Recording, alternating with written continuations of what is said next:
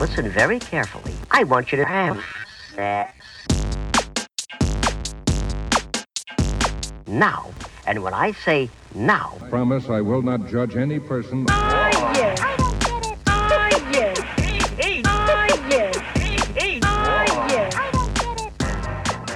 Cześć, z tej strony Nat, czyli Twoja zaufana sekspertka, a to jest Nat i Seks.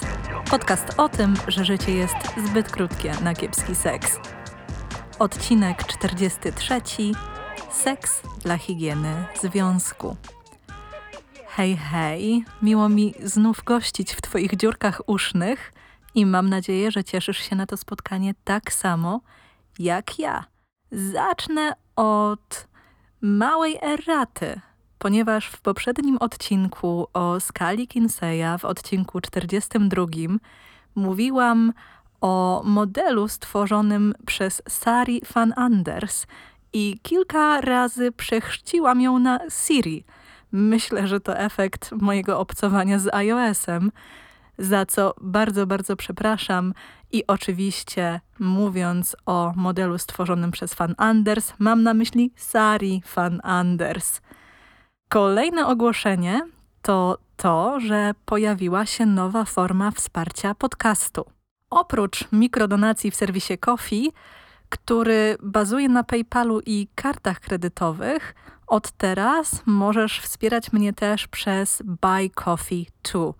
To polska platforma, która pozwala na mikrodonacje blikiem lub przelewem online.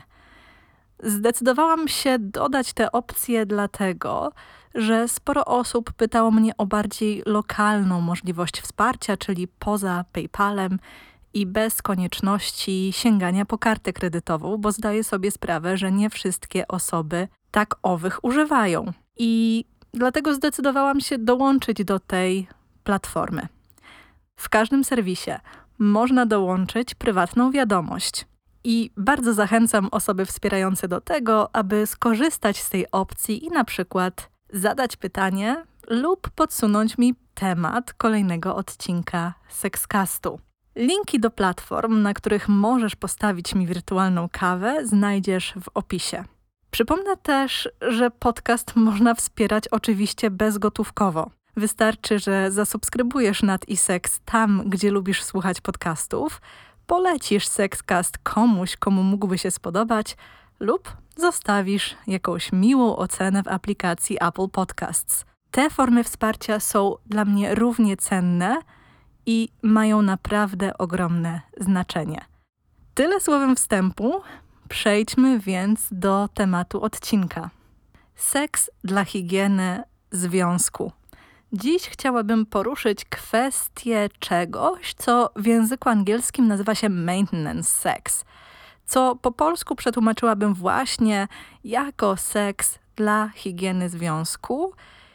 I jest to coś, co czasem poleca się parom, bo zjawisko to jest bardzo w swojej naturze monogamiczne, zwłaszcza parom pozostającym w relacjach dłuższych stażem i takich, w których seks stał się nieco rzadszy.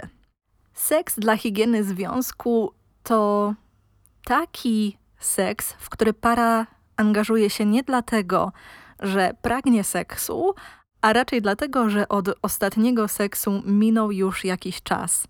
Jaki czas? To zależy wyłącznie od tej pary. Może to być tydzień, dziesięć dni, półtora tygodnia, kilka tygodni. Naprawdę wszystko zależy od danego związku i tego, jaki czas bez seksu budzi w osobach zainteresowanych jakiś niepokój czy dyskomfort związany z brakiem intymności. I chciałabym przyjrzeć się temu zjawisku nieco szerzej, bo seks dla higieny związku może być zarówno świetny, jak i problematyczny. Od razu dodam, że rozumiem, dlaczego taki koncept, czyli koncept seksu dla higieny związku, mógłby budzić sprzeciw.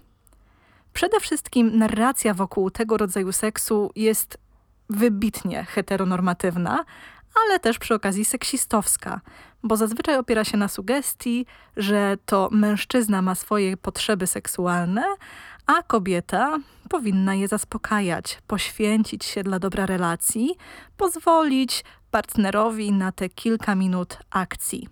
To oczywiście może budzić słuszne pytanie, czy taki seks dla higieny związku jest konsensualny. I od razu errata ode mnie. Ze swojej praktyki wiem, że nie tylko pary cis-hetero decydują się na seks dla higieny związku, bo to zjawisko dotyczy zarówno par queer. Ale wrócę teraz do kwestii konsentu, czyli świadomej zgody w sytuacji seksu dla higieny związku. I teraz zastanówmy się, czy coś, co nie jest w pełni chciane, czyli właśnie taki seks z powodu innego niż seks, może być konsensualne. Cóż, może zaskoczę cię, ale może. W naszym życiu, i to jest przykład, który często przytaczam, mówiąc o kwestii konsensualności i też kwestii tak zwanej samozgody, w naszym życiu wiele jest sytuacji, które niekoniecznie są chciane, ale angażujemy się w nie konsensualnie. I przykład, który myślę dla wielu ludzi jest wspólny, to wizyta w gabinecie stomatologicznym. Spora część osób za tym nie przepada, a mimo to decyduje się na umówienie na przegląd czy jakiś zabieg. Czy jest to chciane? No, domyślam się, że nie. Konsensualne? Jak najbardziej, dlatego że przychodzimy do gabinetu w wyniku naszej świadomej decyzji, świadomych działań, wiemy, po co coś robimy, jaki to ma cel i widzimy dla siebie w tym jakąś korzyść. Z tym, że zdaję sobie sprawę, że trochę niefortunnie jest porównywać seks do borowania. W końcu w seksie powinno chodzić o przyjemność, a nie zaplombowanie dziury. Nie da się jednak ukryć, że w relacjach cis-hetero to kobiety częściej są stroną, która decyduje się na seks w cudzysłowie dla higieny. Czy to odpowiadając na zaproszenie partnera, czy nawet samodzielnie taki seks inicjując. Wynika to, i tutaj pojawi się oczywiście seksizm, z błędnego przeświadczenia, że pożądanie, czyli aktywne zainteresowanie kontaktem seksualnym, tkwi w biologii. To przekonanie to to, że cis-mężczyźni naturalnie pragną seksu znacznie bardziej niż cis-kobiety, więc aby zapobiec poczuciu niespełnienia czy nawet groźbie zdrady, tę potrzebę należy odpowiednio zaspokoić, tą potrzebą należy się odpowiednio zająć, w domyśle inicjując lub przyjmując zaproszenie do seksu. Ta narracja jest silnie obecna w naszej kulturze i często bezrefleksyjnie powielana. I niestety, ale sprowadza mężczyzn do istot, które nie tylko nie zawsze potrafią zapanować nad swoim pożądaniem, ale też nie są w stanie zauważyć, że ktoś, kto uprawia z nimi seks, wcale nie ma na to większej ochoty. Tu oczywiście pomijam sytuację nadużyć i przemocy. I w taki seks ktoś angażuje się albo z litości, albo dla świętego spokoju, albo z innych sobie tylko znanych powodów, które nie są podyktowane przyjemnością, nie są podszyte chęcią przeżycia doświadczenia rozkoszy. Dodam też, że tożsamościowo takie podejście do tematu, czyli właśnie sprowadzanie seksualności wyłącznie do czynników biologicznych, jako determinujących to, jak ktoś swoją seksualność przeżywa, jest dla wielu mężczyzn niezwykle trudne. Jest też trudne dla kobiet, zwłaszcza tych, które lubią przeżywać swoją seksualność w sposób rozbuchany, pełny, gdy słyszą zewsząd, że ich sposób, ich ekspresja seksualna powinna być nieco bardziej przytłumiona, nieco bardziej wycofana. I są to kwestie, z którymi bardzo często spotykam się w swojej pracy i wymagają one naprawdę bardzo często długiej pracy, intencjonalnej pracy z przekonaniami, czy pochylenia się nad kwestią naszej tożsamości jako istot seksualnych i tego, skąd czerpiemy wzorce i czy może są jakieś schematy, które mniej lub bardziej świadomie powielamy. Wróćmy jednak do kwestii relacji. Przyglądając się danemu związkowi, radziłabym raczej, zanim zdecydujemy się na seks dla higieny związku, Zastanowić się, z czego wynika potrzeba akurat takiego kontaktu, co leży u jej źródła.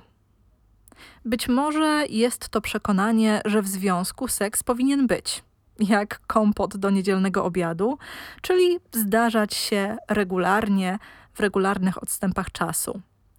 Tutaj warto przyjrzeć się temu, skąd to przekonanie się wzięło i dlaczego brak regularnego seksu budzi niepokój.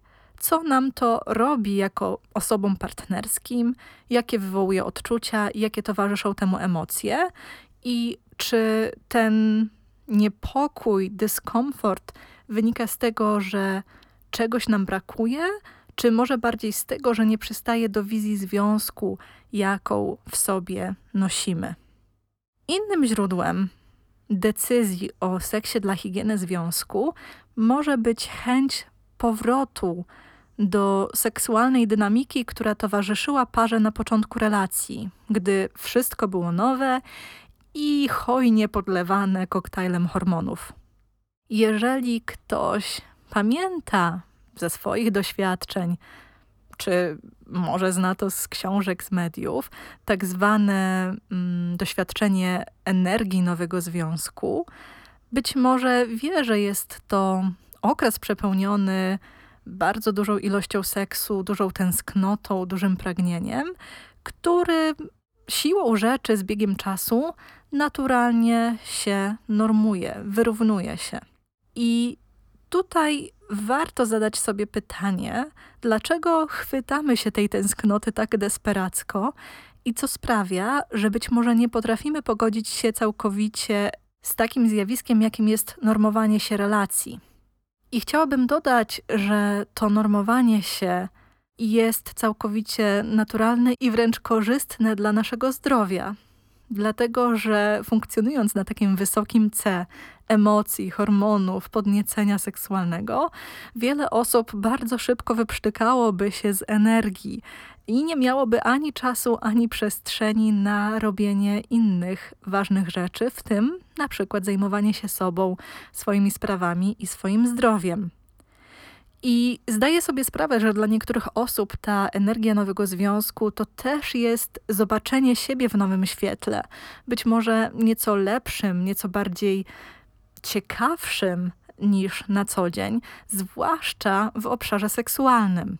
Bo nie da się ukryć, że koktajl hormonów, który nam towarzyszy, sprawia, że nawet jeżeli ktoś definiuje się jako osoba o niskim zainteresowaniu aktywnością seksualną, nagle dostrzega u siebie dużo wyższe zainteresowanie, dużo wyższe podniecenie, ma częściej ochotę na kontakt seksualny, gdzieś znikają hamulce, które wcześniej towarzyszyły. I to też jest spowodowane właśnie tą energią nowego związku, a niekoniecznie tym, że e, ta nowa osoba odkryła w nas coś takiego. I też bardzo często widzę, że niektórzy ludzie mają problem z zaakceptowaniem tego, że ten high seksualny, hormonalny jest zjawiskiem tymczasowym, a po nim po prostu przychodzi kolejny etap, przychodzi coś innego. Kolejnym powodem, dla którego ludzie decydują się na seks dla higieny związku, bywa zbytnie przywiązanie do liczb i niechęć do odstawania od normy. Wystarczy przypomnieć sobie wszelkie badania nad życiem seksualnym Polaków, Europejczyków, kogokolwiek, z kimkolwiek się identyfikujemy i to, aby wykazały, że na przykład statystyczna para w Polsce uprawia seks raz w tygodniu.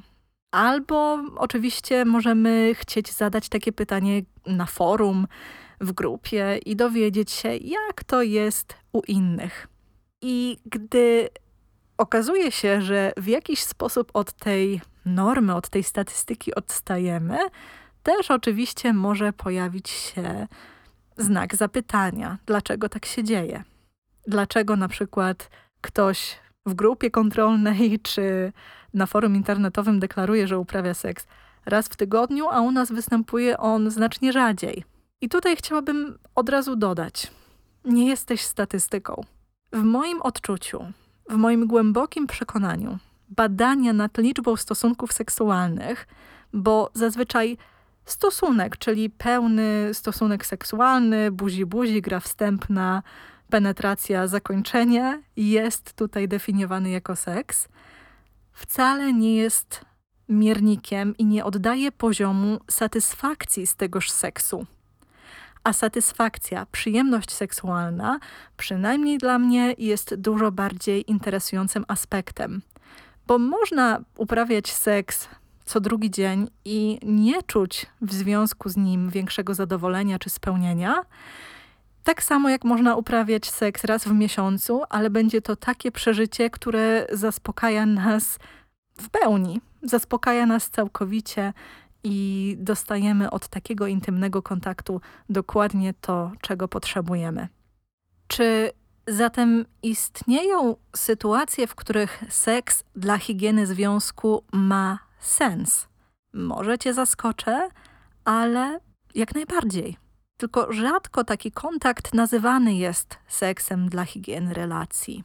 Można go poznać przede wszystkim po tym, że każda z zaangażowanych stron pragnie tego samego. Pragnie intymności, po prostu pragnie seksu z drugą osobą. I pierwsza sytuacja, która przychodzi mi do głowy, to ta, w której kontakt seksualny dla obydwu stron jest nagradzający. I o seksie nagradzającym, jak i unikowym opowiadałam w jednym z poprzednich odcinków podcastu i zachęcam Cię do jego wysłuchania, dlatego że być może rozszerzy to te kwestie albo ten koncept, który być może brzmi jako całkowicie nowy. To nie tajemnica, że ludzie angażują się w seks nie tylko dla samego seksu, ale też dlatego, że sprawia, że czują się podczas niego w konkretny sposób albo poczują się w konkretny sposób. Czasem emocjonalną satysfakcję sprawia im obserwowanie rozkoszy drugiej osoby. Czasem największą rozkosz znajdują w tym, że druga osoba wielbi je podczas seksu. I to jest ich nagrodą. I naprawdę jest ogromna różnica między seksem dla statystyki, a seksem, który nas nagradza, czy to fizycznie, czy to emocjonalnie.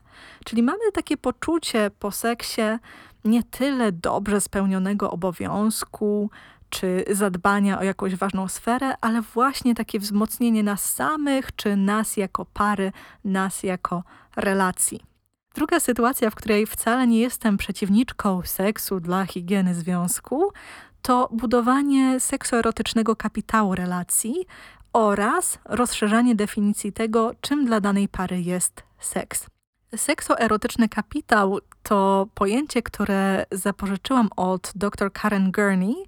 E, jest to brytyjska seksuolożka i terapeutka, która ukuła termin sexual currency – i wiem, że bardziej chodzi tutaj o seksualną walutę, natomiast ja nieco rozszerzam to pojęcie, bo są to wszelkie aktywności, których celem jest wspólne przeżywanie przyjemności i budowanie i umacnianie intymnej więzi które niekoniecznie są seksem, ale są takim specjalnym, wyjątkowym kontaktem czasem z drugą osobą.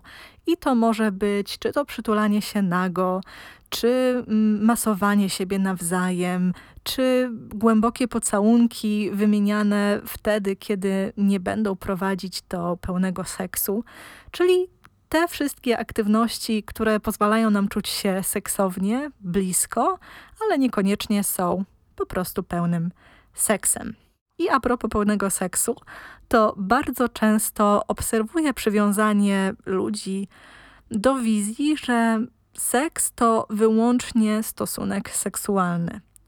Natomiast stosunek, czyli seks penetracyjny dla wielu osób, zwłaszcza tych, które są stroną penetrowaną, bywa bardziej wyczerpujący, zarówno fizycznie, jak i emocjonalnie. I te osoby często mogą chcieć unikać seksu właśnie dlatego, że spodziewają się, że w pewien sposób odbierze im jakąś część energii, która jest im w tej chwili potrzebna. Natomiast warto uświadomić sobie, że intymność można budować i pogłębiać, nie bazując jedynie na stosunku. Warto więc rozszerzyć definicję seksu i pozwolić sobie na intymny kontakt polegający na przykład na równoczesnej lub wzajemnej masturbacji, wyłącznie seksie oralnym, czyli na przykład zaspokajaniu drugiej osoby oralnie, gdy my sami zaspokajamy się manualnie, czy nawet outer course. I link do tego ostatniego znajdziesz, a właściwie link do artykułu o outer course znajdziesz w opisie tego odcinka, bo myślę, że to może być też interesująca praktyka dla wielu par. Kolejno. Seks dla higieny związku ma sens również wtedy, gdy obydwie strony bardzo pragną intymności, pragną seksu, ale okoliczności wybitnie im nie sprzyjają. Może to być na przykład spowodowane mijaniem się przez pracę i różnice w grafikach, czy utkwienie z dziećmi 24 godziny na dobę w jednym małym mieszkaniu. Coś, co myślę wielu rodzicom utrudniało swobodną ekspresję seksualną podczas pandemii. Wówczas w takiej sytuacji warto zastanowić się, jak można stworzyć sobie warunki, które sprzyjałyby intymności. Być może będzie to zdecydowanie się na noc w hotelu, być może będzie to zaplanowanie urlopu lub wzięcie wolnego dnia na żądanie w tym samym czasie, aby móc poświęcić sobie i seksualnej stronie związku kilka godzin tego specjalnego dnia. Seks dla higieny, aby działał, myślę, że warto, aby to wybrzmiało, musi być seksem chcianym i nie może być seksem w jakimkolwiek stopniu wymuszonym. Czy to przez jakieś czynniki zewnętrzne, nasze wyobrażenia, jak seks, jak relacja seksualna powinna wyglądać, czy po prostu przez drugą osobę. Seks naprawdę nie powinien bazować na sloganie Nike, czyli just do it, po prostu to zrób, bo po kilku czy kilkunastu takich zrobieniach raczej nie będziemy czuć się ze sobą dobrze i raczej nie będziemy z ekscytacją podchodzić do kolejnych kontaktów seksualnych z bliską osobą. Pewne jest też to, że seks dla higieny związku niekoniecznie jest sposobem na naprawienie problemów w relacji, również tych, które mają podłoże seksualne. Na przykład obniżone zainteresowanie kontaktem seksualnym, czy problemy z utrzymaniem i uzyskaniem erekcji. I całkowicie w porządku jest poszukać pomocy tam, gdzie samodzielne próby poradzenia sobie z sytuacją po prostu nie skutkują. I tutaj mogę zaprosić do siebie na konsultację, jak i po prostu zachęcić Cię do poszukania kogoś w swoim otoczeniu, z kim masz ochotę zająć się tym, co sprawia Ci trudność. Naprawdę, jeżeli chodzi o pracę pomocową, to nie ma sytuacji zbyt małych, którymi ta druga strona, ta strona pomagająca się nie zajmie.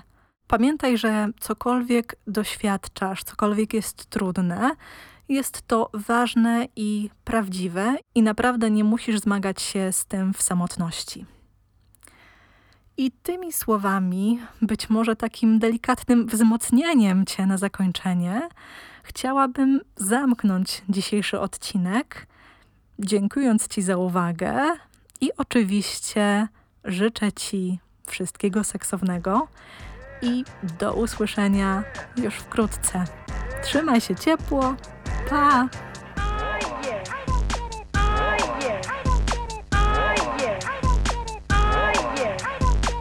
So it's very important and very fun also to now,